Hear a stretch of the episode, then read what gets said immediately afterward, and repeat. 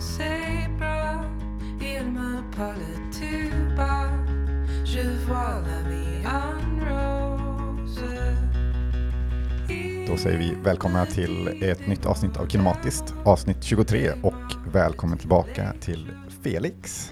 Hej! Hej! Men stort, eh, stor eloge till Jasmin också som gjorde ett ypperligt jobb och väldigt kul att lyssna på eh, förra avsnittet. Ja. Mm. Var det en märklig känsla att lyssna och så var inte du med? Ja, det som var mest var att i och med att man har liksom gjort podden och varit med i de här snacken så många gånger så kändes det ännu mer naturligt att man själv ville säga, men jag vill säga det här nu, men jag kan inte prata med er för Jag vill lyssnar på lägga in podd." något här. Ja, Ja. liksom man kan ju göra det när man lyssnar på någon så här, åh, intressant fråga, vad skulle jag svara på? Nu var det så här, nej men jag vill faktiskt svara på den här frågan. Eh, Ja, för så- det, tänker jag, det känner man ju ofta när man lyssnar på podd. Ja. Att så här, ja, vad är det ni säger? Det här, det är det här. Men det måste ännu mer när, Ja, man, jo, men när det är en podd när man är den med i känslan vanliga fall. var lite till, exakt. Mm. Ja, ja, men du är välkommen tillbaka i alla fall. Och jag och Hille är eh, här som vanligt. Japp. Yes. Ehm, idag så kommer vi eh, gå tillbaka till sci-fi-tema lite grann.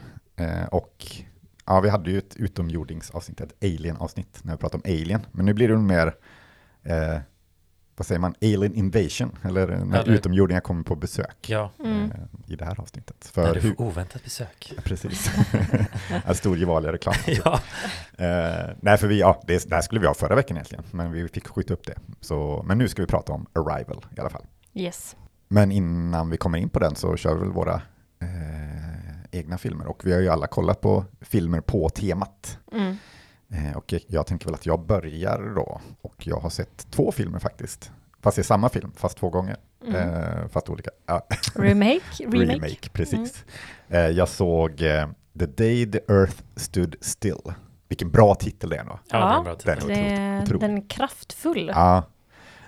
Och jag alltså har sett originalet från 1951 och remaken från 2008. Mm. Och eh, ja, men jag kan väl börja med eh, originalet kanske. Ehm, den är regisserad av Robert Wise. Men den handlar ju då om, eh, ja det kommer ett flygande tefat till jorden, landar i Washington. Och det kommer ut en rymdmänniska som, ja, militären är snabbt på plats i alla fall. Och när den här rymdmänniskan kommer ut då så tar han fram någon grej och de tror att det är ett vapen och skjuter honom. Eh, och då, det väcker ju Gort, en jättestor robot eh, som kommer ut och förstör massa vapen. Innan då den här eh, rymdmänniskan, Klato heter han, eh, säger stoppar Gort. Eh, och sen eh, hamnar han på ett sjukhus eh, och de försöker fråga ut vad han eh, vill liksom. Eh, och han vill prata med alla världens ledare för han har något viktigt, viktigt att säga. Eh, men det går ju inte. För det är ju kalla kriget och det är liksom tension i världen så det är lite svårt att, att ha ett gött samtal med, med världens ledare. Liksom.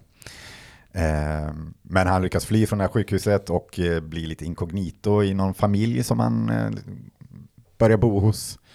Eh, Och sen kommer han till en eh, vetenskapsman eh, och till slut får han fram då sitt budskap via den här vetenskapsmannen att jorden, ni måste skärpa er. Ni kan inte hålla på och kriga mot varandra. Era kärnvapen är en fara för universum. Eh, Så skärp er, annars går det inte så bra för er. Skärp er! Ja, fritt citerat. Ehm, så det är filmen då liksom, eller att eh, det kommer en marsmänniska med en varning till jorden att de ehm, ja, får tag, tagga ner lite grann. Ja, men lite klassiskt sci-fi eller liksom om det är ett spekulativt, eh, eller man kan förstå att det blir atombomben som var liksom så här, att det, det här måste vi kommentera på liksom. Ja, men det, är- det är ju verkligen så här i tiden då att, Ja. ju- ja men just, just med kalla kriget, att Mm. det, är ju- det är ju liksom fonden för hela filmen. Ja, men, men den här Klato då blir ju, han är, det är ganska, inte så subtil eh, blinkning till att han är en Jesus-figur då. Mm. Ehm, för han blir också eh, skjuten och återuppstår och liksom det, ja, det, det är Jesus helt enkelt. jag en bild av så här en grå så här alien med långt, liksom, Ah. den klassiska Jesusbilden liksom. Ja, precis. Eh, han- ser ju ut som en människa då, eh, den här Aha, Marsmänniskan. okej. mm, eller Marsmänniskan. Eh, filmen heter på svenska Mannen från Mars, men det sägs aldrig att han är från Mars. Men Nej. ja, den svenska titeln Mannen från Mars av någon Mm. anledning. Eh, men han, man har, han ser ut som en, eh, en människa. Men eh, alltså den är, den är ju den är ju bra, tycker jag. Alltså den är ju charmig, den är ju liksom när man tänker 50-tals ufo-filmer så är det ju liksom, det är ju det här flygande tefatet. Den här roboten ser ju ganska, eh, ja, pajig ut, fast Ja. på ett charmigt sätt. Man ser ju eh, filmpostersarna framför sig. Ja, men precis. Eh, och eh, ja, men den, den har ju liksom den här 50-tals eh, charmen, fast Mm. inte på liksom samma sätt som ja, men Plan 9 from Outer Space, den här med Ed Wood, som är så en av tidernas sämsta filmer. Eh, det är liksom inte så här trådar som tefatet hänger i liksom. Eh, men den, den, eh, den har ändå liksom, det känns som en typisk 50-tals sci-fi eh, på ett bra sätt tycker jag. Och den här terminmusiken kommer ju typ härifrån, det var där de började med det, som Jaha. är liksom så här synonymt med ufo, Ja. ufo-filmer liksom. Mm. Ehm, Ja, måste... För övrigt ett väldigt roligt ins- instrument. ja, ja, det är ju galet Jag instrument. fattar inte hur det funkar. Nej. Men, men eh, han som gjorde musiken till det här tänkte att ja, men det kan vi väl ha. Och så blev det liksom standarden för, för sådana filmer. Mm. Intressant. Mm.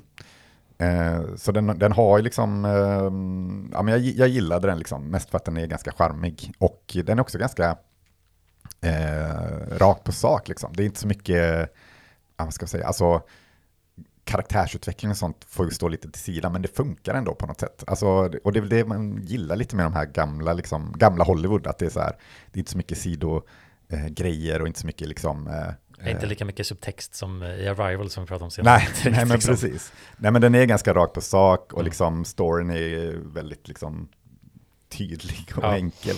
Men, men jag tycker det funkar i, i de äldre filmerna. Eh, och ja, men jag gillade den. Och det är liksom, om man, till skillnad då från remaken från 2008, som är, den är inte så mycket längre, men det känns som den är mycket längre. Eller det känns som det är så mycket mer de vill få med, Mm. eh, som är onödan.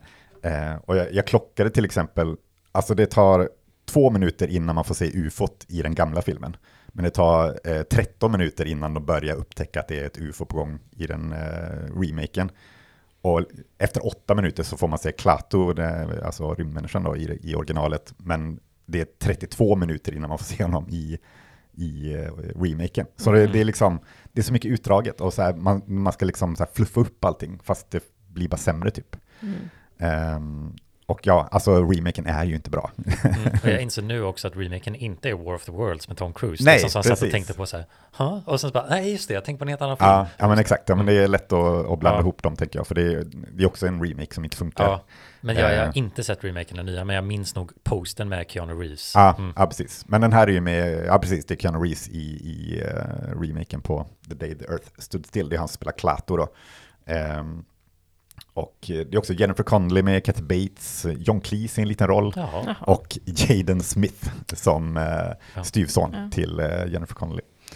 Men eh, det roliga med remaken, för eh, ja, som sagt, kalla kriget var ju på tapeten på 50-talet, men eh, mitten på 00-talet, vad kan vara på tapeten då tror du?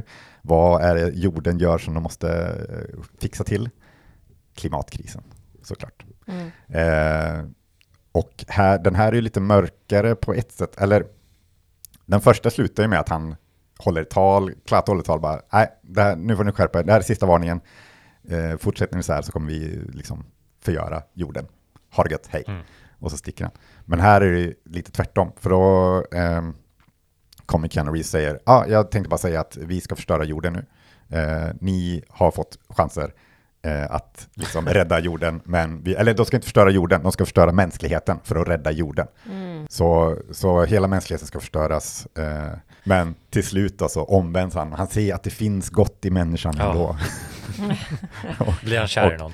Ja, men han, eller, inte helt uttalat kär, men Nej. det är, han, han ser ju Jennifer Connelly och Ja. hennes eh, relation med Jaden Smith. Han blir kär i mänskligheten. Ja, men typ. Mm. Eh, och det, är- det är så roligt för han träffar den här, vad heter han som är, han är med i Everything Everywhere All At Once också, den här äldre mannen. Ja, eh, ja, nej det vet jag inte Ah, vad han skitsamma. är just nu. Men eh, karaktärsskådespelare som har varit med i hur mycket som helst. Precis. Eh, han i alla fall är också en alien som har varit på jorden i 70 år. Och eh, Keanu Reeves träffar honom då och pratar så här, ja, hur ser rapporten ut? Och så bara, ja, nej, de, de bättrar sig aldrig. Det är kört liksom. Det är, jag, jag kollar på det här i 70 år, det, det finns ingen bättring. Och Keanu Reeves är typ på jorden en kvart och så bara, ja, fast ändå. Har du sett den här? ja, har, du- har du sett Jennifer Connelly eller? Ja. Hon är assnygg, vi måste rädda mänskligheten. Nej, men det, det, det känns bara så liksom, eh, dramaturgin är bara så platt och töntig Mm. och eh, det finns ingen logik i det. Eh, och eh, ja, men just det, Gort är ju här också med, men den är mycket större och eh, CGI. Det är väldigt Aha. mycket CGI allting. Och det Väldigt känns ganska- ful CGI Ja, jag visade också. det i klipp på Mm. Gort i båda filmerna. Ja. Och så här, ja, roboten har liksom så här böjbara knän och det ser ganska dåligt ut i originalet då, men det Mm. ser ändå bättre ut än den här fula Ja. CGI-roboten. ja, för det, det har ändå någonting då. Ja, Det finns något slags Hantverk. hantverksvärde tänkte jag precis säga. Ja. mm. Så det, ja, nej, mot det här fula CGI, ja, då Man vinner kan tänka den. sig att så här, liksom, om de ska bara, vi vill göra om den här, bara, ja men det ska finnas någon CGI, det måste finnas en monster, Mm. eller, det, det känns som att det måste finnas något alien med det. Typ. ja men precis. Mm. Och det är ju liksom, originalet är mer bara en, en vad ska man säga, samhällsdrama, alltså liksom Ja. mer liksom, men men, Samhällskritik. ja, samhällskritisk Mm. film Ja. liksom. Medan två, eller tvåan, remaken är mer en katastroffilm helt enkelt. Ja, och, mm. vilket Eh. ju var väldigt populära på tiden. Liksom. Det Ja, ja, verkligen. Det, det fanns många där. Absolut. Day After Tomorrow till Eh, exempel. Ja, men exakt. Ja, nej, men det är kul också i remaken att eh, han, ehm, eh, om han är Jesus i första så är den här mer Noas ark typ. För Mm. Keanu Reeves kommer där och ska liksom, eller de vill rädda de andra arterna på Mm. jorden. ja. Och sen kommer syndafloden då. Så det, så det är fortfarande en bibelallegori på något sätt. Mm. Eh, men, men inte Jesus då. Med lite annan twist. Ja, exakt. Det är också annorlunda, för i, i originalet, The Day the Earth Stood Still kom ifrån att eh, för Klato då, eller han och vetenskapsmannen kom fram till att men du måste göra någonting som visar att det här är på allvar typ. Och då stannar han liksom all, eh, all elektricitet och all, alla maskiner stannar i en halvtimme tror jag eller någonting. Eh, så hela jorden står still då i liksom en halvtimme. Men i, i remaken så är det när, när Klato då inser att, nej men okej, ni får leva ett tag till, eh, mänskligheten. Men jag kommer ta bort all elektricitet. och så stannar jorden efter han har liksom försvunnit okej. då. Mm. Och sen får man aldrig liksom, jag bara säga, okej, så nu lever jorden utan elektricitet och hur, hur ska det gå? Det är ju mer intressant film nästan än, än den man precis har sett, men man får liksom, där tar det slut bara. Ja, okej. Eh, ja. Så ja, de har lite olika take på, Mm. på eh, just, eh, just den biten i alla fall. Men och på många bitar. Nej men eh, remaken eh, inte så bra. Men Nej. eh, originalet eh, sevärd, det är en sci-fi klassiker som ändå så här, är man, är man intresserad av sci-fi så bör man se den tycker jag. Mm. Men eh, då kör väl jag då. Och jag har kollat på The Man Who Fell to Earth. också en bra titel. Ja, Ja. nästan samma. Jo, precis. Jag blandar ihop dem. Mm. Eller i, Mm. I början där innan jag skulle se den här så blandade jag ihop de två. Bara Ja. tänkte att det var samma film på något sätt. Tänker också på The Man Who Sold the Earth av David Ja, Bowie, ja, liksom att så här, och Nirvanas cover där, man säger bara, vänta, vilka var det? Var? Ja, Ja, ehm, ja nej, men det här är ju en film från 1976 av eh, Nicholas Rogue. Din favoritregissör. Vi pratat om honom tidigare. Ja, eh, han har gjort eh, The Witches som vi pratade om i ett annat avsnitt. just det, jag Den, tyckte jag kände igen efternamnet. Ja. Mm. Mm. Eh, men ja, eh, David Bowie är ju med i den här ja, jo, det, som ja. huvudkaraktär. Jag tänkte inte ens på det när jag sa det, men Nej. Ja. Men eh, den här handlar då om en alien som kommer till jorden för att hitta ett sätt att ta med sig vatten tillbaka till sin hemplanet. För att den, det är torka där, de har inte så mycket vatten där. Eh, och han lämnar sin familj bakom sig då. Han har en, ja, han kallar ju det för fru, men jag vet inte hur det funkar i den här världen. Men ja, fru och två barn har han i alla fall på den här planeten. Och eh, när han eh, kommer till jorden så blir han eh, ganska snabbt rik. För han, han uppfinner olika grejer som eh, är väldigt... Eh, Han kommer med en massa teknologi. precis, som- för det är liksom, eh, det finns avancerad teknologi på hans hemplanet som han... Framförallt för musik va? Ja, för han gör ju mycket så här musik, alltså högtalarsystem och grejer och musik, olika sätt att spela upp musik på, olika... Mm. Han, han har som någon, någon liten kula eller Mm. boll som innehåller låtar som han sätter, ungefär som man sätter en LP-skiva och så liksom Mm. läser någonting av och så spelar upp musik. Ja, så, Det är en massa patenter han säljer liksom. Precis, så han, han blir ganska snabbt rik på allt det här då, på den avancerade teknologin som han kan och använder sig av. Eh, och han tar hjälp av diverse människor eh, som han träffar på och han flyttar ihop med en tjej som han träffar på ett hotell som han bor på. Men de vet ju inte att han är en alien då. Nej. Men det är i alla fall hans närmsta personer som han lär känna får ju reda på det till slut då, att han är en alien. Mm. Eh, och det får liksom, Jaha, för det vet inte, det vet bara tittaren liksom annars. ja, Mm. Ah, okej. eh, men han blir ju typ, ska man säga, tillfångatagen till slut och liksom blir experimenterad på under en massa ja, år. Så mm. han är ju väldigt länge på jorden då. Mm. Men till utseendet, alltså det hans mänskliga form eh, åldras inte. Mm. Så han fortsätter se likadan ut medan de andra liksom åldras runt honom då. En, en eh, feberdrömmig Orlando typ. Ja, jo det finns ju vissa likheter, Mm. skulle jag nog också säga. Det, det har jag inte tänkt på förrän nu, Nej, men nu när du säger det. nu också. Ja, för det här skulle ju kunna vara en film som är right up my alley så att säga, för att eh, den är konstig, surrealistisk, eh, väldigt konstnärlig. Ehm, men, men, ja, nej jag vet inte, jag har lite blandade känslor kring den här filmen. Det var ju väldigt mycket, mycket saker, särskilt det konstnärliga med den som jag uppskattade. Det fanns liksom scener där man fick se hemplaneten och han och hans familj och de gick genom så här landskap och man fick se någon typ av byggnad och det var väldigt, väldigt snyggt gjort och så liksom förvandlades de här scenerna, eh, scenerna till målningar och sånt här. Alltså det var väldigt, ja, de var väldigt bra på att bygga upp en liksom en eh, känsla och en estetik kring det. Jag tänkte på att det, det kändes lite som någon så här, vad heter hon nu igen, den här sci-fi författare, Ursula K. Le Guin. Ja, ja.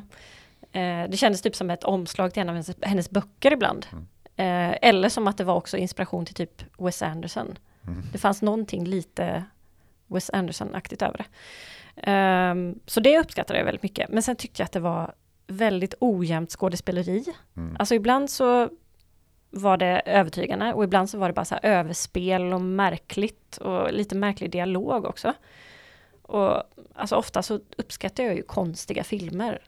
Men det var bara, jag vet inte, ibland blev det bara så konstigt. Ja, när på en skådespelet litet- vill man ju oftast inte ha ska vara det konstiga i det liksom. Så här, man kan ju ha en person som Jo men det spelar kan det också, alltså typ som i Twin Peaks, jag vet inte, alltså Ja, men då är det rätt ton Ja. liksom på något sätt. ja, Mm. Mm. Ja, men, Men- det är ju en wacky ton här också. Så att, Ja, det är det mm. ju. Men det var bara som att ibland så blev det konstigt på ett lite B-sätt. Mm. Jag vet inte riktigt hur jag ska beskriva det. Hur För Krilla har ju sett den här också. Vad tyckte Ja, du? nej, men jag, jag, jag tror inte jag tänkte så mycket på, på skådespelet. eh, nej men alltså replikerna ja, också. Men, men som sagt, den är ju så, alltså den är ju liksom, som sagt, det är ju en feberdröm, eller det är ju en Ja. sån här syratripp typ. Ja. Eh, Han var väl hög typ eh, stor del av tiden också tyckte jag läste. Alltså Bowie. Ja, förmodligen. Han, han gick väl bara på typ så här vatten och, och typ eh, kokain Mm. under inspelningen. Ja. Men nej, men så, så jag vet inte om jag, eller jo, alltså jag förstår vad du menar. Det var Mm. inte som att säga, jag tycker inte du har fel. Nej. Men, men jag, jag, ja, jag vet inte. Jag, jag känner nog mer att det var bara ännu ett märkligt element i filmen. Typ. Ja.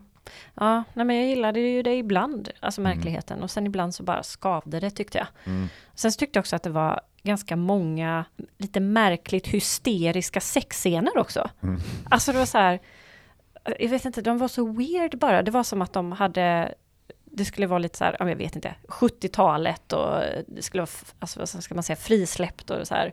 De visar väldigt mycket. Men sen så var det som att de hade typ dubbat över de här scenerna så att de skulle så här fnissa och skratta och låta på ett, som ett sätt som man såg inte matchade med det som hände. Jaha, alltså jag vet mm. inte, det bara kändes hysteriskt alltihop. Ja, det är ju, klippningen är ju hysterisk i den. eh, Ja, det är den också. Det är mycket klippning. Ja, mycket och mycket olika typer av Ja, klippning tänkte jag ja. på. Ja, Ja, och vissa funkar och vissa inte. Skulle jag, säga. ja. Och det är mycket, jag håller med mycket i filmen att vissa saker funkar, vissa inte. Mm, nej, jag vet inte. Så ja, som sagt, det känns som jag säger så ganska ofta, men blandade känslor för den här filmen. Ja, men jag förstår det. Eller så, eh, jag, jag känner också, också svårt att veta vad jag tycker om den egentligen. Mm. Eh, Den känns också lite lång. Eh, Ja, jo, det var den. Den var överdrivet lång. eh, Och den, eller den är ju ganska lång, men, men den kändes också väldigt lång. Liksom. Mm.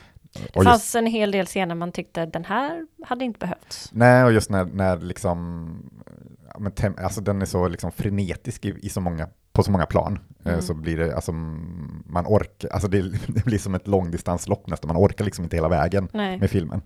Eh, vilket är lite tråkigt. Men eh, Bowie är ju fantastisk ändå i huvudrollen skulle jag säga. Ja, han, alltså det är ju det är som att den är skriven för honom, den Ja. här rollen.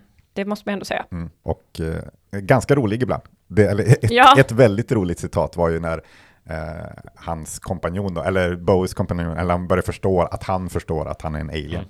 Så bara, aren't you gonna ask me what you always have been wanting to ask me? Så bara, Are you Lithuanian? ja, Otroligt roligt. ja, det var väldigt roligt. Men eh, ja, ja, men det är alltså Bowie-fans bör ju se den. Ja, jo absolut. Alltså det, det måste man ju nästan göra. Ja. Ja, Ja. jag kanske var klar där då. Mm. Då hoppar vi ett år i framtiden och kommer till 1977. Mm. För det var 76. Eh, Jag, jag insåg nu också att titlarna här, jag, jag har då sett Close Encounters of the Third Kind, eller Närkontakt Ja. av tredje graden av Steven Spielberg. Men jag tänkte just att alla de här titlarna har ju verkligen de här en lång mening, liksom Mm. som Ja. att det vore en boktitel. Det, det är som den eh, som band, eh, vissa liksom band i vissa genrer alltid ska, typ emo-band ska ha så här jättelånga And titlar. you will know us by the trail of dead. Ja, ja exakt liksom. Det är bara kul.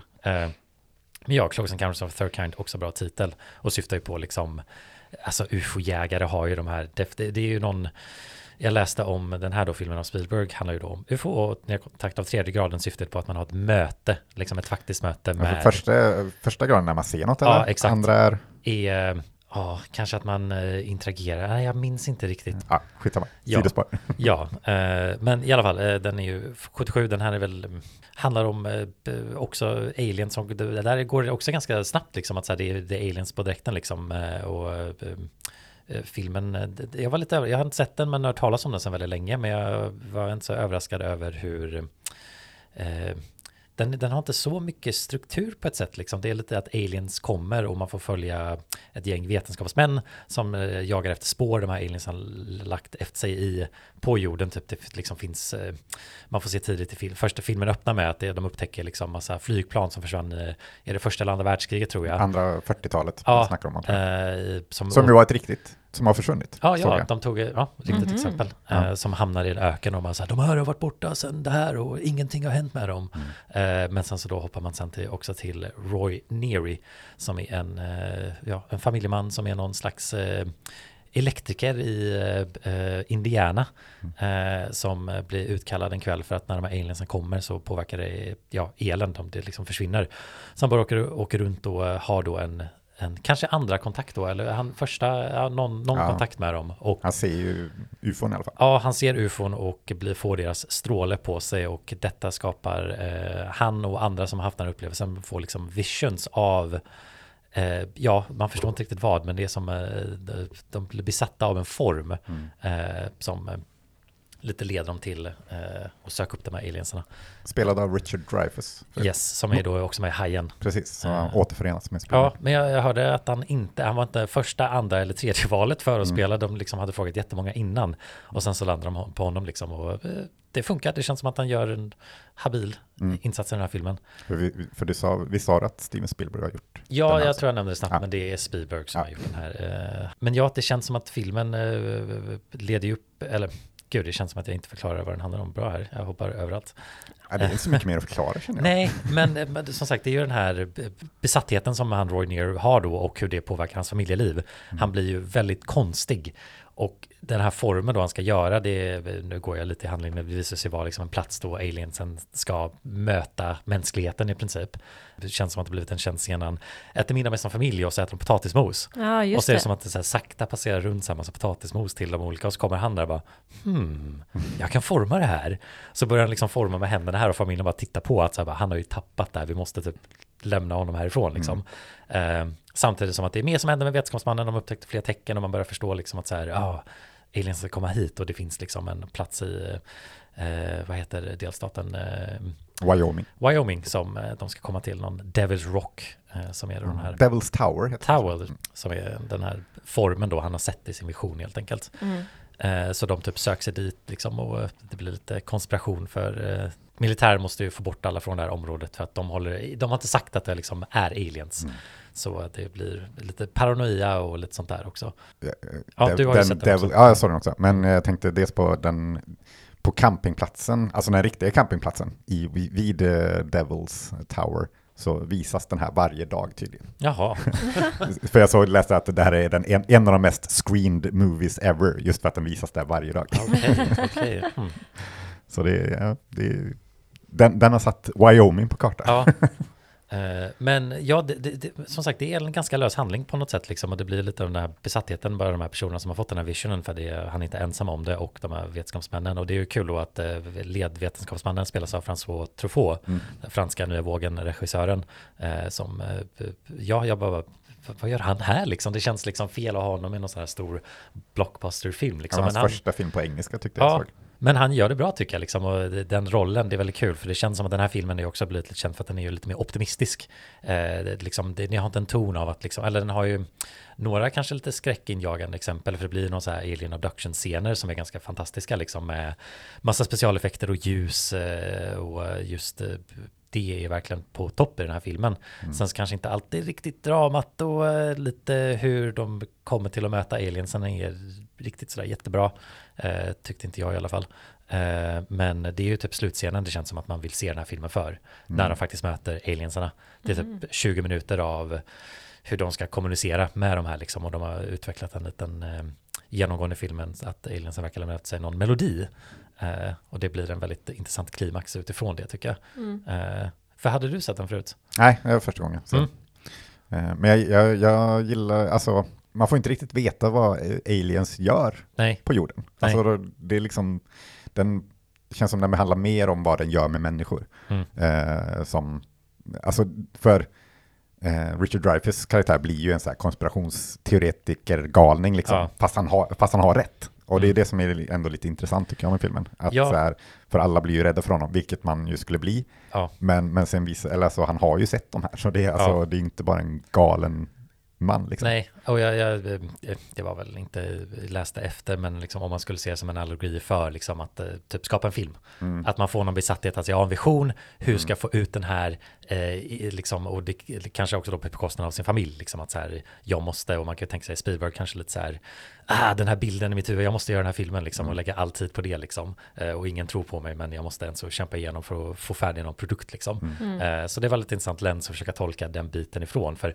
absolut känns det som att det kan vara lite så här konspirationsteorik, men just besatthet känns som att det är verkligen Mm. den karaktärens och andra karaktärers liksom, eh, eh, ja, personlighetsdrag liksom, för det är inte så att de utvecklar karaktärerna så mycket där riktigt och det, det, det känns mer som det är lite så här ett spektakel liksom. Mm. Eh, jag tänkte lite på Nope när jag såg den här också, som eh, jag vet där nog lite blev influerad av, men i, i en annan ton liksom. Mhm. Eh, men det känns överlag att den också har teman som Arrival lite om kommunikation och Mm. hur, Ja, det lät ju som det. Eh, liksom, eh, för typ första scenen är verkligen att så här, det är typ mexikanska soldater som ska prata spanska med amerikaner så kommer då François Truffaut som den där franska eh, liksom vetenskapsmannen som ska prata franska så har han en tolk som är Bob Balaban, eh, en rolig roll. Så det är verkligen så här, det är många tillfällen liksom så här hur man kommunicerar med varandra och hur man inte kan kommunicera med varandra. Ja, men um, det, det känns som den faller lite på att den blir lite för Spielbergsk och John Williamsk. Alltså, jag vet inte, jag börjar tröttna på John Williams. Nu, det här var ju en av hans tidigare såklart, men det Ja. känns som så här, han, han, han, har, han gör samma sak hela tiden liksom. Ja, det, det är svårt att inte känna att mycket av det här känns väldigt familjärt. Jag, jag försökte inte tänka mig här, om man skulle sett den här för första gången på 70-talet så skulle det nog varit väldigt, väldigt häftigt. Mm. Och jag tycker just det, jag har ju inte gått in jättemycket i slutscenen, men det har ju då med de här musiknoterna Mm. och det är liksom nästan en psykedelisk liten skärm de har för att liksom spela de här noterna Mm. och liksom det flashar i färg samtidigt som de spelar med oktaverna. Och det blir mer komplicerat så att det är liksom nästan som de ska lösa en sån här musikpussel och som då typ aliensarna replikerar när man ser det här skeppet har landat. Och det lägger de ju väldigt mycket tid på, bara ser designen och liksom hur det liksom vänder och landar. Och det känns som att det är väldigt mycket så här, ah, liksom, och det funkar, jag gillar slutet liksom och tycker det är kul att den tonen får framhävas, att det handlar mer om en uppskattning av något eh, ja, utomjordligt som är häftigt, liksom Mm. awesome i det ordet, eh, att det är liksom as, man blir, vad heter det på? Full of awe. Ja, exakt, inte att det är liksom Yeah, coolt. eh, och det är också då ett slut som handlar mer om så här, det är vetenskapsmän som ska möta eh, liksom aliens, det är, inte, det är inte våldsamt, inga pistoler, det är liksom inte det här militäriska, Skönt. nej, utan det är mer liksom, det handlar ju mer av den här, ja, en close encounter of the third kind, det är liksom mer bara det det handlar om, liksom hur skulle det vara att möta, och inte så mycket liksom, varför de här, eh, bla bla, liksom och sådana saker. Men vad tyckte du om slutet, slutet? Ja, det var väl lite mer töntigt. För ja, till slut så blir det att Roy Neary, hans, hans besatthet leder honom till att så här, du ska på det här skeppet, du ska bli en traveler med de här liksom. Ja, och skeppet landar ju och man får ju se utomjordingar. Ja, De ser ju lite B ut. Ja, några ser och de, jag tycker den, för det är ju då också dockor de har skapat Ja, mm. eh, och jag tycker liksom först ser aliensen lite mer så här Ja, skräckinjagande den och weird första ut. som dyker upp är lite märklig. den, så- Men problemet är sen ska de ha massa små grå män och de här små grå männen är spelade av liksom så här eh, lågstadieflickor. Ja, det är barn i Ja, halloween-kostymer bara. och det ser man, för Ja. de står typ så här och liksom rör på sig som barn gör, som är så här otåliga och inte riktigt kan stå stilla. Så det är verkligen förstör lite stämningen liksom den scenen. Nästan som Gort i originalet. Ja. Så det, det tänkte jag, det var, det, det blev ju lite småskärmigt, men det tog ju verkligen ur tonen när det annars var lite så här, wow, weird, liksom, hur kommer det se ut? Men de är Men- superklassiska, typ så här, Ja. gråa män, liksom. Men eh, nej, än så är produktionen, eh, liksom specialeffekterna och eh, liksom, jag, jag tyckte musiken var bra, liksom. Jag kan förstå att den är, Alltså, det, det är inte dåligt. nej, men, den är väldigt eh, bombastisk och John Mm. Williams-aktig, men Mm. jag tycker inte så det var ett eh, eh, roligare exempel av hans musik, liksom. Och det känns som att de är i nära samband med varandra på något Mm. sätt, liksom. Eh, Eftersom musik har en, en, en liksom del i storyn också, Ja. så blir det ju Ja, ja men verkligen. Eh, Och typ den här alien abduction-scenen i huset tycker jag var ganska fantastisk med hur liksom eh, massa maskiner går igång liksom och eh, det blir väldigt Spielberg-känsla på den spänningen. Mm. Ja, för det känns ju som, alltså Hajen känns ju inte lika mycket Spielberg. Här, den här filmen känns som, Mm. Ja. okej, nu har han hittat Ja. sin grej. Yes. Nu kommer han göra sådana här filmer Mm. i 50 år till. Ja, Ehm, så så på, på det sättet ser man ju Spielberg födas Mm. i den här filmen. Mm. I den Spielberg vi känner idag. Liksom. ja, Ehm, så ja, det, det är väl också filmhistoria, eller ja, den är väl filmhistoria överlag, men framförallt eh, om man vill se liksom, Spielberg eh, komma till liv så är den ju bra exempel. ja och men just liksom det, kanske då tema eller liksom budskapet den får med sig lite att den är liksom inte att den är mer optimistisk liksom. Mm. Och det känns som att den har definitivt fungerat eh, Arrival liksom, Mm. kan man tänka sig. Memory is a strange thing. It doesn't work like I thought it did.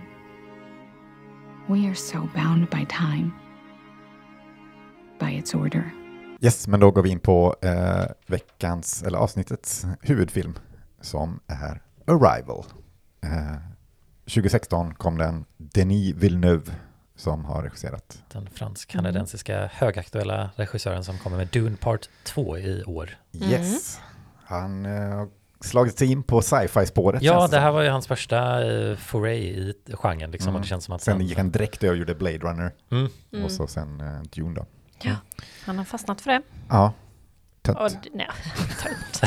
Men man kan ju se att det är någon, alltså, något som känns, eh, eller som, som passar honom. Eller i alla fall, Ja, alltså, man kan ju se ju- likhet, mm. likheten mellan filmerna och det känns som en estetik och en, ja, någonting som han tycker är intressant. Men vi kanske ska säga att, eller det känns som vi kommer spoila den här filmen. Ja, Det Ja. känns, den känns väldigt svår att prata om och inte spoila den. Mm. ja så, men ja, har ni inte sett den så det, det, det, kan, det är en film som kan vara kul att upptäcka Pausa. första gången eh, själv. Liksom. Vi kanske inte hoppar in på eh, slutscenen eh, nu direkt här, men eh, som sagt, eh, är ni, har ni menat att se den så eh, kanske pausa. Men annars, om ni inte bryr er så kanske vi kommer övertyga er att vilja se den, för att eh, jag tror inte det skadar. Det ger nog en annan tittningsupplevelse, men inte en sämre. Nej. Mm. För den, det här är en film som jag tycker verkligen fungerar att se en andra gång eller en tredje gång. Ja, det Ja, den. verkligen. Men ja, jag tycker nog att man inte ska, eller att man ska titta på den innan man Mm. blir spoilad. Men eh, ja, alltså vissa bryr sig inte som, om sånt heller. Nej. Så Men, eh, får men vara upp till var och en. ja, precis. Men jag tänker att vi slänger in en stor varning här i början. Ja. Eh, Ja. Helt enkelt. Ja, Men hur som helst, eh, filmen är baserad på en eh, short story av Ted Chiang Mm. eh, som heter Story of your life. Mm. Eh, jag läste faktiskt den eh, häromdagen. Ja, Eh, jag förberedande. läsa den. Hann du läsa någonting alls? nej, jag hann inte det. Jag har boken i väskan men jag har inte hunnit läsa den. Ja, du har boken med den. Ja. Ja, Ah, ja jag, eller jag lånar hem den. Ah, smart. Och, ja, nu har du den. Den Eh. fanns eh, på pdf på nätet också. Jaha. Jaha, där ser man. Eh, men ehm, ja, den, den är ganska trogen, eh, men eh, skiljer sig ju en hel del också. Eller den har ju lagt till mycket. framförallt. Ja, och jag har lite, gjort lite research inför och man förstår att så, ja, men, den blir lite mer filmisk om man gör de här Ja, ändringarna. Liksom, Eh, som Mer i- Hollywoodsk eh, tänkte jag, men eh, ja, filmisk framförallt. Ja, men alltså, ja, vi behöver inte gå in, det blir Nej, för vi, kom, vi kommer in på det sen. eh, men den handlar ju i alla fall om att det är ett gäng, nio stycken va? 12. 12 eh, stora rymdskepp som har eh, nästan landat på eh, olika ställen i jorden. Mm. De hovrar precis ovanför marken. Eh, och och eh, eh, armé, eller amerikanska armén, det är ju från ett amerikanskt perspektiv. Ja. Så amerikanska armén anlitar en lingvist, professor, som spelas av Amy Adams. Eh, och hon ska, för de har fått kontakt med, med utomjordingar på det här skeppet och de behöver någon som kan språk utan och innan för att försöka kommunicera med dem. Japp. För att i slutändan få reda på vad fan gör ni här? Och eh, under filmens gång så får man också se eh, vad man tror är flashbacks eh, till eh, Amy Adams liv eh, Mm. innan det som händer. Ja, Men nej, det är ju det är verkligen en film om en process liksom och det är lite likt som med Close Encounters att det känns som att det, det är liksom vetenskapsmän och, och visst militären också men det handlar liksom om hur ska vi arbeta tillsammans för att göra det här liksom. Mm. Eh, så att, eh, och det finns ju lite tension då för att det blir lite eh, som eh, War of the Worlds, liksom lite internationell politik gällande i och med att all, det finns en alien-podd i olika nationer så blir det ju liksom olika stormakter som hanterar det här på olika sätt och det, Mm. kommunikationen mellan storländerna och hur de ska samarbeta och kanske dela information eller inte då som det blir sen eh, Mm. skapar lite dramatik som gör att det blir Många- någon tidspress. Precis. Ja. Kina är väl antagonisten i filmen då. Ja, Eh, och då de här amerikanska soldaterna som blir lite konspirationsteoretiker. Ja, precis. mm. men det är Eh, många olika viljor i alla fall som... Mm, eh, mm. Exakt. Och eh, Amy Adams eh, eh, jobbar ju med en fysiker Mm. eh, som Teoretisk fysiska. Jeremy Renner. Mm. Eh, och ja, eh, det är de två som jobbar närmast ihop. Ja, och sen så Forrest Whitaker som är då den här generalen som är för militären i USA. Som, eh, så det, det är ganska få, jag tänkte på det när man tittar liksom på rollistan, att Mm. det är inte så många och typ, det är ju Jeremy. Renner, Forrest Whitaker och han Stuhlberg, Ja, eh, Michael Stuhlberg, eh, liksom, och kanske något ansikte till man känner igen, men annars är det ju en, främst en film med Amy Adams och ja, eh, Jeremy Renner liksom. Ja. Jag, jag uppskattar inte så att det är ganska få Ja. karaktärer. Jag, jag tänkte på så här, vad, vad hände med Amy Adams egentligen? Det kändes som hon, så här, 10-talet var liksom, hon var med i The Master 2012, Her 2013, den här 2016. Kändes som hon liksom eh, var störst eh, av alla, eller den bästa skådespelerskan just då. Och jag vet inte om det var för att hon inte, konstigt nog, inte blev Oscars-nominerad för den här filmen. Som hon bara, "Äh, fuck it, nu är jag väl DC Universe istället, bara jag skiter i det här typ. Ja, man Det känns som har hon inte har gjort något efter det här, som är Ja. bra typ. Ja, jag har jag inte sett vet inte, mycket. men nu, nu när du säger det så känns det inte som jag har sett henne i någonting på ett tag. Nej. Ja, hon har ju varit med, hon var ju med i den, typ, den, här Enchanted, Disenchanted det är typ senaste jag vet att hon var med i, liksom, Ja. eh, som skulle vara OK, OK, men också inte så intressant kanske. Eh, men hon är ju i alla fall väldigt, väldigt, väldigt bra i den här filmen. Ja, Ja, verkligen. Eh, Jag vet att eh, Amy Adams var första valet för han som skrev eh, Ja. liksom, scriptet redan 2012. Eh, Och det var ju säkert så här, The Master kanske liksom som lite Mm. låg i bakhuvudet kan man tänka sig om man tänker på vad han hade gjort då. Och Dennis Villeneuve ville också säga, det är Amy Adams liksom. Mm. Och det blev henne liksom. Det, Mm. det känns som en så här ovanlig sak som hände. Ja, jag såg att hon tackade ja jättesnabbt till Alltså, rollen ja. också. Också roligt med Jeremy Renner. Att, eller jag tänk, när jag läste short storyn så föreställde jag mig Pedro Pascal. Jaha. Och jag tänker så här, han kanske är, är den sexiga varianten av Jeremy Renner bara. det känns som de är lite liknande på något sätt, fast Pedro Pascal är mycket snyggare. Ja. Men lite, ja men eh, kanske just liksom, eh, det känns som att absolut Jeremy Renner skulle kunna spela Joel i uh, The Ja. Last of Us. Att de är lite så här kompetenta, händiga män. eh, Har den karaktären lite över sig liksom. ja, för nu när, men, när jag tänker tillbaka på filmen nu också så Ja. ser jag typ Pedro Pascal i scenerna. Det är jättekonstigt. men det är ju intressant när man läser en eh, kort historia, eller man får ju en annan bild, liksom vem som får visuellt representera. Och Mm. jag gillar också lite att Jeremy han är ju lite anonym i den här filmen och har ju Mm. mer en supporting roll, men jag tycker han gör det bra, liksom att man stör sig inte på honom, även ifall Nej. han inte sticker ut där, utan det blir lite mer Amy Adams show liksom. Mm. Eh, så jag, jag gillar inte så att han känns väldigt så här, Han funkar bra som support liksom. ja, Mm. exakt. Eh, och den karaktären tycker jag har en ganska bra balans eh, på att vara Filmen har ju inte så mycket humor, den är liksom lite underhållande lätt i sin information, men eh, han får väl vara lite sån, eh, liksom... Comic relief, Ja, fast men- ändå inte. Ja, nej, han är, eh, men man har ju en Mm. hint av på något sätt att han har någon slags humor. Ja, han är charmig, Ja. mer så, Mm. och det, det, det känns som att... Det, Och därför jag tänker att det borde vara Pedro Pascal egentligen, för Ja. han är väl charmigare än Jeremy Renner. ja, Men det var någon som hade skrivit på Letbox också, bara det, jag, jag kan verkligen inte tro, alltså den här filmen är så unbelievable, för Jeremy Renner, Mm. eller Amy Adams skulle aldrig vara med Jeremy Renner. Eh, så det, ja, det känns som man, äh, jag, jag ska göra en, klippa om den och klippa in Pedro Pascal istället. Men ja, ehm, vad tänker du? Ida? Ja, jag vet inte, jag gillar ju den här filmen jättemycket. Mm. Eh, jag och jag tänkte, eller för jag, det tänkte jag ju på för ett tag sedan, jag tror jag pratade om det i podden någon gång, att eh, det känns som att jag alltid har högt på eh, betyg på filmer som jag gråter till, eller som jag blir så emotionellt investerad i. Och det blir det verkligen till den här. Mm. Den är ju så himla sorglig. Eh, och jag tänkte på det nu då när vi tittade på den, alltså bara i första scenen, för det är ju en eh, Max eh, Richter-låt, Ja, On the Nature of Daylight. precis, som spelas i, i början och i slutet. Så den, när den började spela i början av filmen så blev jag direkt tårögd. Ja. För jag har liksom den, de associa- associationerna till den låten och jag har lyssnat väldigt mycket på den låten i efterhand också. Mm. Så jag blir väldigt så här, ja, men emotionell när jag hör de låtarna. Eh, så ja, direkt när, när jag hörde liksom det så bara. Ja, för filmen öppnar ju med då liksom vad man, eh, jag har ju nämnt det innan, vad man tänker är en eh, flashback liksom. Mm. Eh, och det, det, det är ju väldigt fint, liten, det är som en egen liten kort historia i sig liksom som handlar då om hur man får se Amy Adams eh, barn som ja, går bort i vad man antar är kanske är cancer eller någon annan liksom, Hon säger att sjukdom. det är en, en, en ovanlig Ja. sjukdom Mm. som ja, inte Så- går att bota. Exakt. Mm. Eh, Men den är direkt liksom bara den här sorgsen och den här musiken då av Max Richter är ju väldigt eh, stark och man kan förstå att det är ett bra, det är ett bra val. Mm. Eh, och jag har också lyssnat på den mycket sen innan liksom och jag minns när jag såg den här på bio man bara, ah, det är den här låten liksom. Och man har direkt den här liksom de fiolerna att man blir, man nycklas in väldigt snabbt på tonen och så här, nej nu är det sorgset liksom. Mm. Men också väldigt vackert. Ja, precis. Sorgset och vackert på samma Ja. gång. Och alltså, det var ju därför han inte Mm. blev nominerad för bästa score i, på Oscar. För att den är med i, eh, alltså i soundtracket.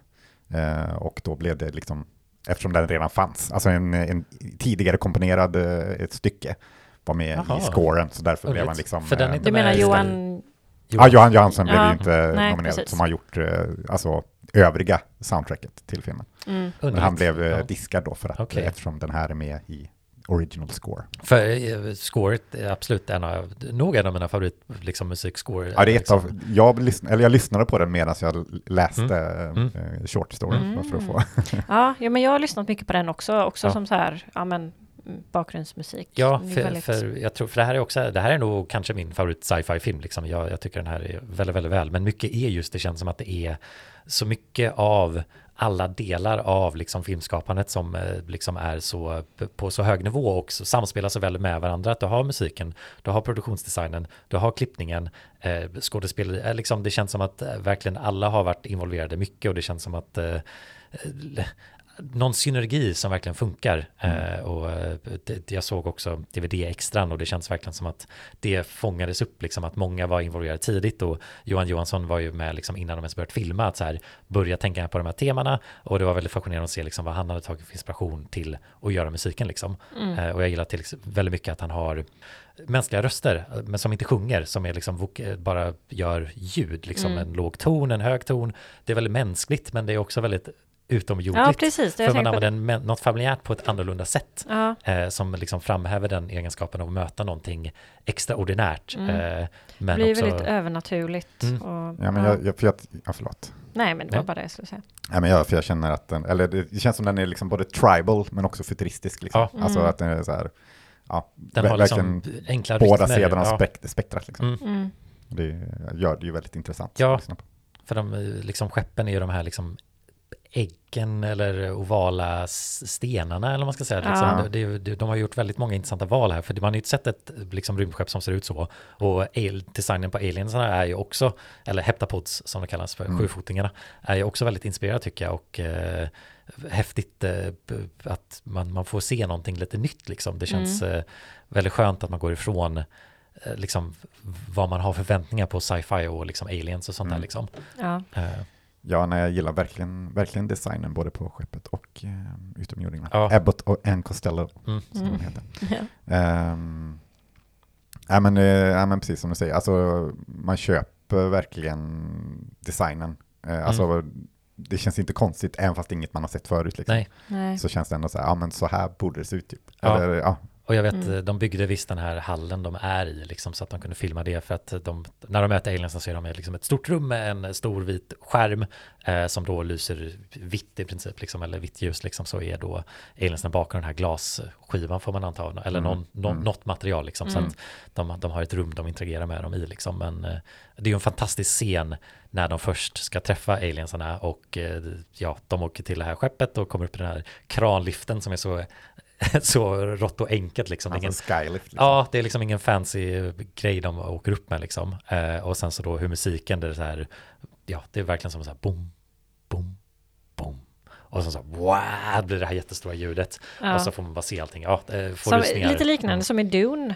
Mm. Alltså det, det är lite hint av den här, äh, vad var det någon sa, The Great Metallic Goose eller någonting. Jaha, ja, ja, ja. Mm. jag tänkte på det nu, jag har inte Mm. tänkt på det innan då. Mm. Eh, men ja, det är lite, li- det, ja, det finns en, eh, en relation där. Mm.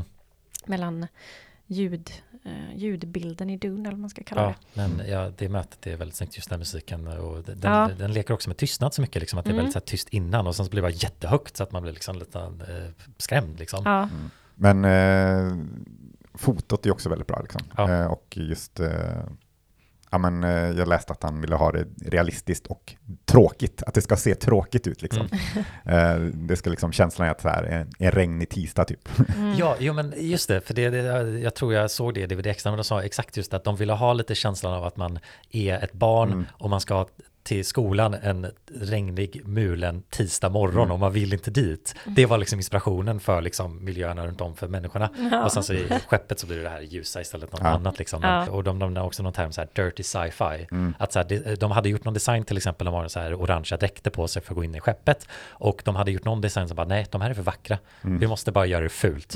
Och de är så här, det ser ut som att de har bara sån här... Väldigt clunky liksom. Det, Mm. det ser fult ut men man köper liksom att det, det känns mer lite, lite- ja, mer äkta helt enkelt. ja precis. Och det, det är skönt att de inte skruvar upp liksom eh, för mycket eh, gällande produktionen. Nej, det, liksom. det är som en bra balans i det, det snygga mot det fula på något Mm. sätt. Verkligen. Stilrena och det ruffiga. Men sen så har vi inte ens nämnt liksom, eh, när de pratar med aliensen, de har ju då Nej. ett språk. Ja. Mm. Eh, och de här aliensarna, de har ju fått lite så här bläckfiskliknande design och de eh, p- p- pratar om att de kom fram till att så här, ja men tänk om det är liksom lite som eh, bläckfiskbläck Mm. när de skjuter ifrån sig. Men det blir ju, det känns som att det är liksom, ja de här aliensarna då, de, de har ljud, de pratar också, men det är ju inte någonting människan kan förstå för det blir liksom de här, liksom bara, Det ska ta lång tid innan man ja, kan börja förstå det. Verkligen. Mm. Eh, så att de har, de skickar ut liksom en liten, eh, eh, ja, bläckblob som är som en cirkel som då ja, representerar. det ser ju väldigt likt ut när en bläckfisk bara skickar iväg Mm. lite bläck i vatten så. Men de verkar kunna, de har små tentaklar som de kan typ manipulera det med. Mm, så det, formar jag, jag brukar liksom. alltid tänka på att det skulle vara typ sådana järnfliser som man kan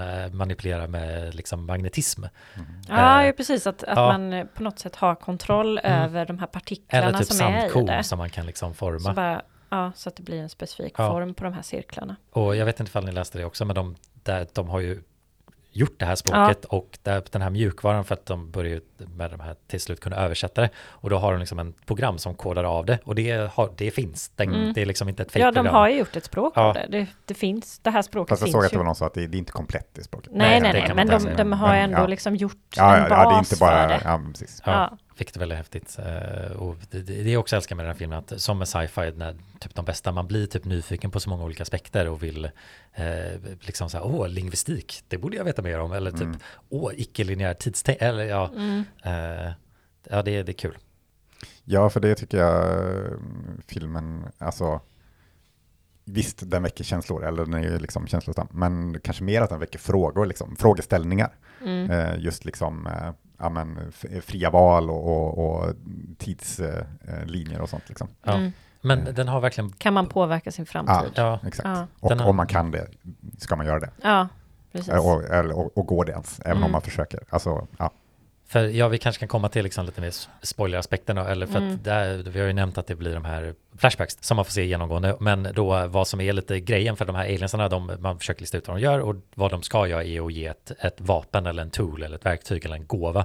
Det är lite utvecklande eh, vad det Lite handlar lost om. in translation där. Exakt, Mm. och det är ju det som är utmaningen självklart. Och det är Eh, det som gör att det blir tension också, för Kina bara oj, de har ett vapen, det här måste vi stoppa. Ja, Liksom. de Ja. vill eh, t- vända oss mot varandra, vi Mm. måste skjuta ner dem liksom. Mm. Och Mm. de, de bara, nej, det ska vi inte göra. Mm. Eh, men eh, vad som man lär sig sen då är att genom att lära sig det här språket så får man en annan eh, man uppfattar tid på ett annat sätt som blir icke-linjärt. Att eh, Mm. Dåtiden, nutiden. Mm. och framtiden inte är låst i ett liksom rakt perspektiv utan du kan komma åt allt, lika väl som vi kan minnas dåtiden kan man minnas framtiden och man är i nuet på olika sätt liksom. Mm. För det är så de här aliensarna lever och det är därför det är svårt att tolka deras språk för att de kommunicerar eh, ja, icke-linjärt liksom. De säger en mening kan börja från baksidan till ändan liksom. Det är bara ord. Och Matthew McConaughey's eh, karaktär i True Detective bara jublar av glädje. Ja. Time is a flat circle, jag sa det hela tiden. Eh, och det, ja, det, det, det är en häftig upptäckt för då man får ju den insikten sen när man ser den första gången så här, vänt, jaha, det, det, kommer ske. Mm. Och, Mm. ja, Hon ser framtiden. Ja, och jag älskar också att just med film, att man kan, klippning, det är ju typ det här, icke-linjärt Mm. presentation av tid liksom. Att du kan göra en flashback, flashboard, men du är i nuet hela tiden liksom. Och jag tycker den synergin där funkar så väl med det här konceptet av en icke-linjärt tänkande, att man liksom lite kan nästan lyckas känna att så här, hur skulle det vara? För de har en snygg scen där Amy Adams karaktär eh, minns när hennes dotter, som man då börjar förstå i framtiden, frågar om en term. Mm. Och så bara, ah, ah, jag, ah, jag, jag vet inte riktigt. Men sen så då i nuet så säger Jeremy Irons karaktär den termen och då Mm. kan hon liksom ta, plocka den informationen och säga det i framtiden. Precis, och, och så då är det som att de sakerna händer samtidigt, Exakt. simultant Ja, liksom. jag älskar den scenen. Jag tycker det är Ja. så snyggt gjort. Och så är det då den här termen non-zero sum game som är också så här lite coolt på något Mm. sätt. Man bara, Ja. vad betyder det? Mm. Eh, så ja, ja, det är verkligen en sak som jag går igång med den här filmen just med hur filmklippning tillåts liksom vara en konceptuell liksom tankebana som filmen ska introducera som man faktiskt får känna. Ja, Ja. jag blir Mm. imponerad av det. Eh, och sen så, ja, eh, filmen slutar ju sen också med den sista, eller man förstår att det man såg i början, det kopplar ju tillbaka till det liksom. Ja, Det här precis. valet att eh, hon vet att hennes dotter kommer att dö men hon väljer att än så, Och att Jeremy Renner är pappan då. ja just det, just Det det. inser Mm. hon ju också. För det gillar jag ändå. Alltså, det hade ju kunnat det hade ju kunnat kännas så här, åh nej, de ska liksom shoehorna in en kärlekshistoria i det här också. Men den funkar liksom, och den är ju så viktig för hela storyn, Mm. så den, den måste ju hända. Mm. Eh, så jag, jag tycker absolut inte den känns eh, Nej. malplacerad Nej. på något sätt. Och, Någonting som jag tycker är skönt också är att när de är, alltså i, ja, nu kanske man inte kan kalla någonting för nutiden i den här filmen, men Mm. när de är, alltså jobbar tillsammans då och Mm. försöker översätta språket för de här utomjordingarna, så eh, deras romans börjar ju inte riktigt där. Nej. alltså de Nej. är ju väldigt så här, man märker ju att han gillar henne. Ja, men man det är ju- att får ju en mutual respect. Ja, precis. Ja, de och, det, och det känns som att liksom. de blir vänner och Mm. liksom de jobbar väl bygger på sin relation där. Men det händer ju inte, alltså de börjar, man får ju inte liksom se någon kyss eller någonting mellan dem där. Alltså Nej. att det, det, att det börjar där så. Ja, men jag och det tyckte jag var väldigt skönt. Yes. För det behövdes liksom inte. och man, man köper ju att de skulle kunna bli tillsammans. Det känns Ja. inte som så här, va? De har ju inte gillat varandra i den här, eller liksom, man förstår Nej, inte för att de har någon det finns person ändå som, som någon slags kemi där. Ja. Mm. Det, det jag tänkte precis säga Sam också att jag gillar den aspekten av det liksom. De typ har en kram liksom och så här. Ja, that's Ja. it ungefär liksom. Eller han håller sin hand på hennes Ja. axel eller någonting liksom. Eller Mm. typ, ja. Men hade Så det, det- varit, hade det varit Pedro Pascal så hade ju Amy Adams bara hoppat på den. Slängt sig. Ja. Ja. Men eh, ja, jag gillar just och liksom, man, man hoppar ju lite till de här frågorna som ställer, liksom just att den, det känns också som en sci-fi-film som har typ drama och en väldigt liksom ren story, men också alla de här intressanta frågorna som den Mm. ställer och, och att den ställer frågorna så här, okej, aliensarna tänker icke-linjärt i tid, så blir det också motfrågan så här, varför tänker vi i linjär tid? Att man Mm. blir, för liksom, det som är häftigt med sci-fi som genre är ju att man blir påmind om så här hur människan är, via att man ser något annat som inte är som oss. Mm. Eh, och det är kul hur den filmen liksom får en att lite så här, ha, varför har vi meningar som börjar som text eller liksom så här, man skriver ner någonting så är det så här, den börjar där och slutar där och vi måste säga det så och det vår språk är representerar ljud, medan aliensarnas språk inte gör det till exempel. Mm. Eh, ja, det... synd- Ja, återigen. Ja, och man blir också nyfiken på, eller man börjar ju tänka så bara, ah, okej, men hur funkar det här med att se framtiden då och Mm. att, att hon i nuet påverkar någonting som hon gör sen, men det hän- händer samtidigt, så hur funkar det? Det borde redan ha hänt, men det gör det inte. Ja, Ja. Man blir så här, ah, Ja, man men en försöker sån, liksom så här. härlig känsla av det liksom. Ja, att man, verkligen. liksom, man känner sin hjärna expandera lite, men det är den här Mm. mindblown grejen liksom. Och jag ska faktiskt, jag kan bara dela med mig, jag, för någon, ett, ett Einstein-citat som visst inspirerade storyn, som jag gillade lite. Eh, så säger, Einstein sa det här någon gång, jag vet inte exakt när, men the distinction between past, present and future is only a stubbornly persistent illusion. För, åh, nej, jag kanske inte ska, det blir för nördigt, jag vet inte. Men jag ville få in det, i alla Ja. fall Einstein-citatet där. Det är, återigen, sådana sidospår man kan bli inspirerad av. Och det Mm, ja, jag. bara någonting man vill fortsätta researcha på, Ja. på något Mm. sätt. Men också att filmen handlar ju mer om att man ska känna det. Inte att man ska sitta och göra en mattelektion efter man sett filmen nej, liksom, man för ska att väl förstå inte den. analysera för mycket kanske. Nej. Men jag gillar också, eller det känns inte som filmen så här försöker, försöker vara, alltså den försöker inte vara så här smart och ha alla svar liksom. Nej. Det är mer att den så här, nu ska, jag- nu ska jag väcka lite frågor i Mm. din tittarhjärna liksom. Den är liksom lite lagom vag Mm. på något sätt.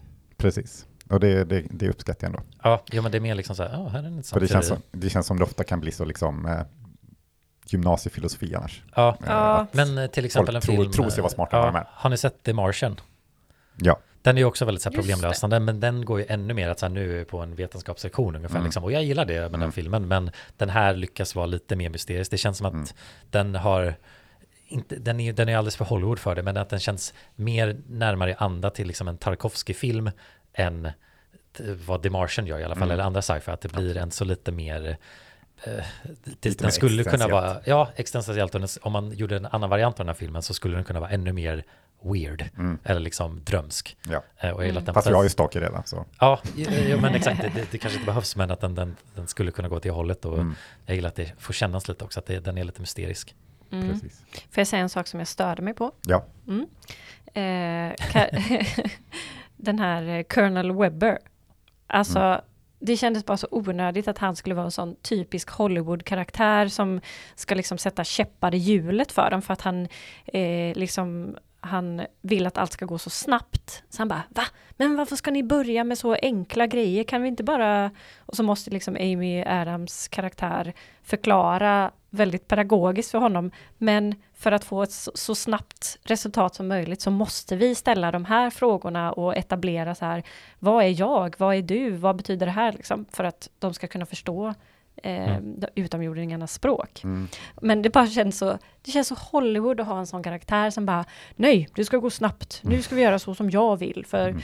ni, ni kan inte hålla på och dalta här. Vad håller ni på med? Men han är liksom inte är införstådd i hur saker fungerar. Och det Mm. känns bara så typiskt att det ska vara en sån karaktär som ska liksom så här vara också... skeptisk. Ja, men det känns också lite som han, han pratar för tittaren typ för att det ska bli exposition. Jo, Eh, exakt. Och det, det tyckte jag väl kanske var ett problem överlag också, att det är mm, ganska mycket märk, eller det är en del märklig exposition, eller på märkliga sätt. För det är ju, alltså Amy Adams är ju berättarrösten för det mesta, för hon berättar typ till sin dotter, det här är början och slutet, eller din, din, din början, ditt slut, bla bla bla. Mm. Eh, men sen typ mitt i filmen så är det Jeremy Renner som är en berättarröst. Fast det låter typ som han håller ett föredrag, men man får liksom aldrig se när han pratar, så man vet inte så här, alltså varför, är han, varför kommer han in i filmens hjärna, om man ska säga, och är Mm. berättarröst. Ja, Eh, så ja, det, det tyckte jag var väldigt märkligt val, att han helt plötsligt ska börja liksom förklara Eh, massa saker, Kan Ja. förstå. utan att man vet, eller alltså det känns som det borde ha visat när han står och pratar för någon, eller liksom, ja det vart, blir, vart kommer det här ifrån? man Mm. blir konfunderad. Precis. Mm. Men eh, ja, det, det, känns, det känns så tråkigt att klaga på den här filmen. Ja, det- men det, jag måste ändå nämna att det, jag tycker inte att det på något sätt är en perfekt film. Nej. Men för mig är det ändå en väldigt, väldigt bra film, trots de här grejerna. ja, men jag, för jag, jag tycker ju, det tänkte jag, för, för om vi ska ta betygen Mm. kanske nu. Mm. Ni har fortfarande en femma eller? Ja. Ja. Jag, jag ligger på en fyra Mm. eh, och eh, det är nog, alltså som vi varit inne på, alla delar är bra. Men alltså jag, jag så kom att tänka på att det här är typ som Queen. Alltså bandet Queen. Som är så här, allt är bra. Produktionen, låtskrivningen, alltså musikal, musikaliteten. allt, alla delar är bra, men tillsammans blir det för bra typ. Så det blir liksom, i, i Queens fall blir det lite tråkigt. Jag skulle inte säga att Arrival är tråkig, men den blir liksom nästan lite för perfekt typ. Lite för strömlinjeformad liksom. Ja, men jag har inte strömlinjeformat heller riktigt. Alltså det är väldigt svårt att förklara, men det är liksom, Men jag förstår den känslan du Ja. vill framföra liksom när man någonting blir lite för perfekt eller för... eh, Tillrättalagt. För Ja, men- ja, men typ. Ja. i sin Ehm. egna grej. För käckt. ja, ja, jag skulle inte säga att Arrival är för check kanske. Men, men det är liksom, det, det blir någonting som är liksom så här, ja men, ja, men det är för bra typ. Mm. Fast, eh, ja, nej men liksom att alla, alla delar är så, så liksom precisa och perfekta på något sätt. Så det blir, ja, eh, som sagt, jag kan inte säga att det är en tråkig film, för det är det inte. Jag tycker jag jättemycket om den. Mm. Men det är, det är någonting som liksom, ja jag vet inte, som saknas. Hur som helst, det är en väldigt bra film i alla fall. Det är vi alla överens om. Ja, det är. Ehm, men ja, ja, det är någonting som jag håller. Men när jag började se den nu bara, ah, fan vad bra den är. Men sen Ja. blev den lite så här, det är ändå vissa saker som skaver utan att skava typ. Ja, om jag eh, ska vara, den jag tänker på nu när jag sett den, det här var tredje gången jag såg den, Eh, jag kan ibland tycka att den, den är lite militaristisk i sin estetik, att det, det är ju att de är på eh, amerikansk militär och det är lite tråkigt att titta på ibland. Ja. Det är också liksom- kul att den amerikanska militären som är känd för att alltid vilja kriga, så här, nej men vi, vi tar det lugnt, men Kina, de är farliga, de ska kriga direkt på jävlarna. Ja. Så det, det kan jag tycka är lite tråkigt bara med att det är en film där man är i miljöer utöver de här Mm. alien-miljöerna så är det väldigt mycket liksom eh, män i eh, liksom cameo, Ja. eh, liksom kamouflerade.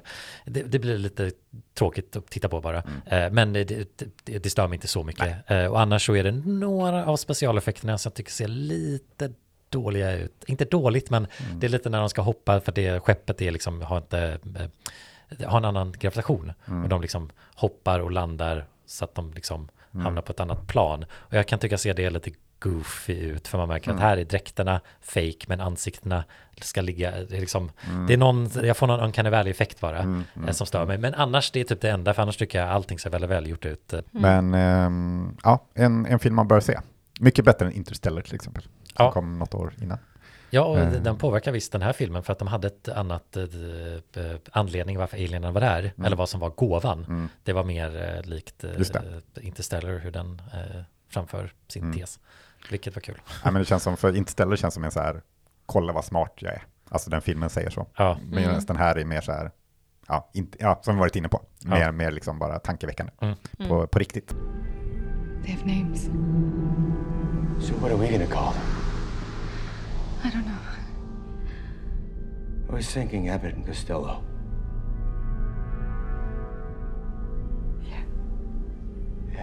Yeah, I like it. Ja, eh, då ska vi bara köra en eh, snabb lista här innan vi avslutar för idag. Eh, och det blir en lista över fem bästa film-ufon. Mm. tänker vi skepp? Ja, Mm. precis. Alltså utomjordingar har ju redan eh, Snackat om. snackat om i Ja. Alien-avsnittet. Just det. Så nu är det själva skeppen Mm. som är ute efter.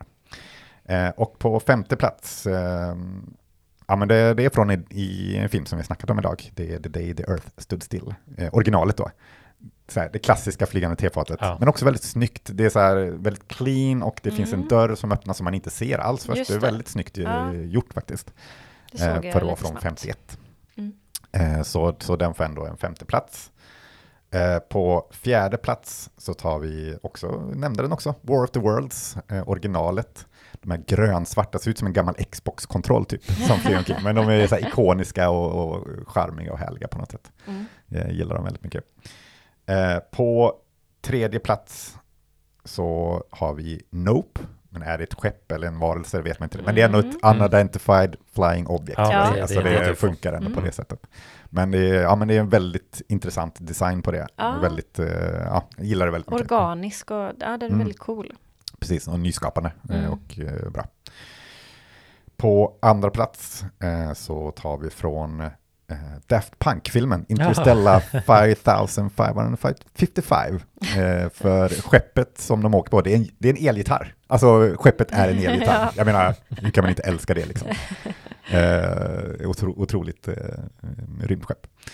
Eh, men första plats, ja, den har vi också snackat om. Det är Arrival. Alltså jag älskar Mm. verkligen designen på, på hur de ser ut. Eh, Det, det är liksom Ja. så ikoniskt, så liksom simpelt, men ändå Ja. så liksom effektfullt. Ja, för att det är både på något sätt lite lite läskigt, Mm. men också vackert. Jag vet inte, Mm. det är, men just att de är så liksom, alltså den är så, clean ja, och så, ja den ser så, det ser ut som typ en len sten man hittar på stranden. Ja, jag men, vet inte. ja, ja, Ja. men mer en pebble eller, Ja. och Exakt. lite så här eh, eh, skiffer tänker jag ofta på, liksom, att Ja, den är den här svarta tonen och att det är Mm. liksom något material som inte finns på jorden. Och jag vet eh, ljuddesignen så liksom när skeppet det vänder på sig lite, Mm. då är det ljud av så här stenar och is som bryts, liksom, att det låter så här, liksom verkligen eh, fysiskt, men också så långt ifrån liksom ett skepp från Star Wars liksom. Ja. Och det är väldigt skönt att liksom känna Ja, precis. den här totala, liksom så här, vad fan är det här liksom? Mm. Men också något som man förstår väldigt instinktivt. Ja, jag älskar, älskar designen på, på, på det skeppet. Så det Ja. får vara första. Ja. Kul, plats. kul. Rimligt. Men eh, det var väl allt vi hade. Ja, vad ska vi prata om nästa vecka? Eller om Eh, två veckor menar jag. Ja, då blir det kostymfilm. Ja. Vi går tillbaka i tiden, om man nu kan göra det, eh, med tidslinje, tänk och allting. Men eh, det blir kostymdrama, det blir Stanley Kubrick, det blir Barry Lyndon. Yes. Ja, Det blir det. ovanlig eh, första film av Kubrick att prata om, men ja, Ja, då får det bli det den. blir så. Ja, Men ingen, hade någon av oss sett den? jag har sett den, fast det var väldigt länge sedan. Ja. Mm. Så det ska bli väldigt kul att se den igen. Eh, Men eh, det pratar vi om om två veckor. Mm. Och nu säger vi hej då med David Bowie, kör vi. Ja, såklart. The man who sold the world. The day the man who fell to earth sold the world. When he arrived When you're right. with the word of words. David Bowie kommer här. Ja. Hej då. Yes. Hej då.